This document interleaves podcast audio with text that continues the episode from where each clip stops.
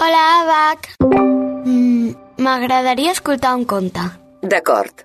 El busco al catàleg d'àudio de l'Abacus a RAC més 1. Aquí el tens. El monstre de Banyoles amb Xavi Puig. Diu la llegenda que al fons de l'estany de Banyoles hi vivia un enorme drac.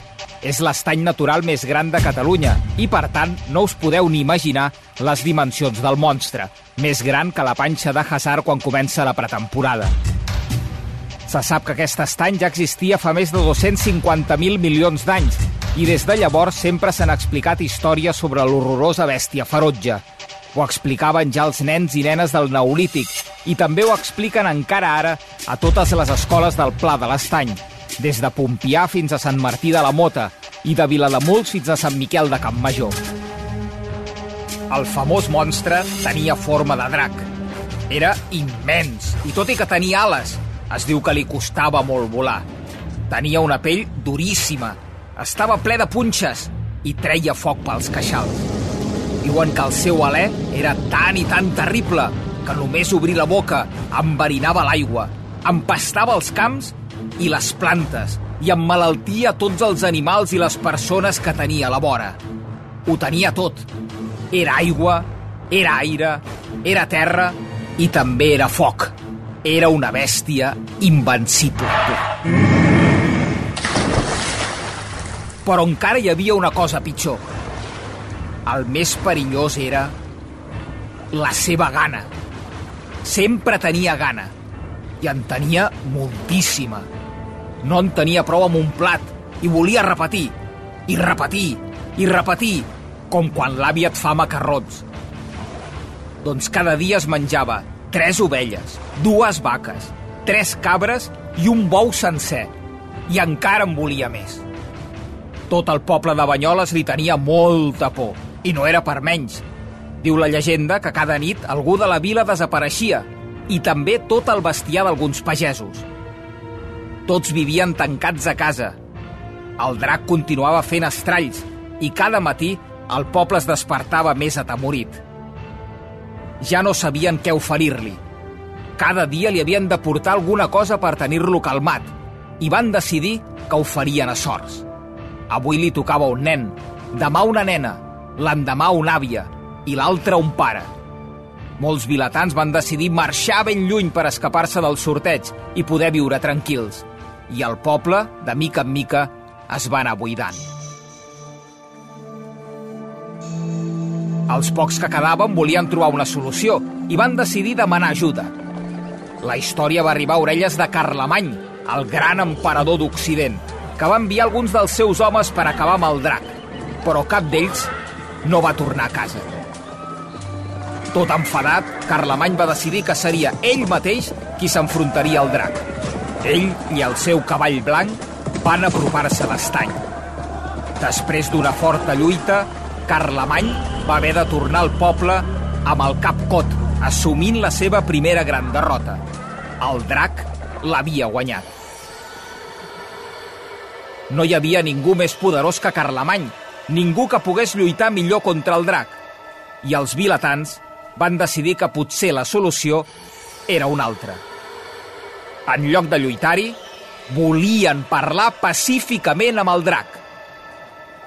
I van demanar ajuda a un monjo, que es deia Mer, i que era conegut per haver aconseguit miracles. El monjo va instal·lar-se a Banyoles i va prometre que arribaria un acord amb el drac perquè deixés de menjar-se la gent. Davant de l'atenta mirada de tothom, el monjo va allunyar-se del poble mentre anava resant. Tothom estava molt intrigat. Al cap d'una estona, Mer, el monjo, va tornar a aparèixer i, per sorpresa de tots els vilatans, darrere seu hi anava el drac. Tothom que el veia es volia amagar, però el drac no va atacar ningú i es va ajeure lentament al mig de la plaça del poble. El monjo va demanar a tots els vilatans que sortissin de casa. Però només un nen petit i molt valent es va atrevir a entrar a la plaça i a acariciar el drac. Al veure-ho, la resta de vilatans van anar sortint un a un de puntetes. No es creien que la bèstia ferotge fos ara un animaló dòcil i tranquil. I Mer, el monjo, els va assegurar que el drac no els molestaria més. I dit això, Mer va marxar muntanya amunt per tornar a viure com un ermità, com havia fet sempre. El secret del seu encanteri va marxar amb ell i mai ningú no l'ha sabut. Des d'aquell dia, el drac es va amagar al fons de l'estany de Banyoles i ningú no l'ha tornat a veure, tot i que molts creuen que encara viu allà. De fet, si un dia us acosteu a l'estany de Banyoles, sapigueu que si hi mireu ben bé dins, diuen que hi ha dies que el reflex del sol deixa veure la llarga cua del drac movent-se sota l'aigua. I aquest conte l'he triat perquè a l'estany de Banyoles hi he passat bones estones amb la meva filla i, de fet, la cançó del monstre de Banyoles ens ha acompanyat també durant els seus primers anys de vida. Aquesta, aquesta, aquesta que sona. És el mamon, el monstre de Banyoles, que mamamant, que menjava persones, oi tant. És el mamon, el monstre de Banyoles, una perdia sense fet de rebestany. Com veureu, tenia tanta gana que se'n passava els bous de tres en tres i els cavallers que amb ell volia brega se'ls endrapava com qui no menja res. És el mamon, el monstre de Banyoles, que mamamant, que menjava persones, oi tant, és el mamon, el monstre de Banyoles, una perdia sense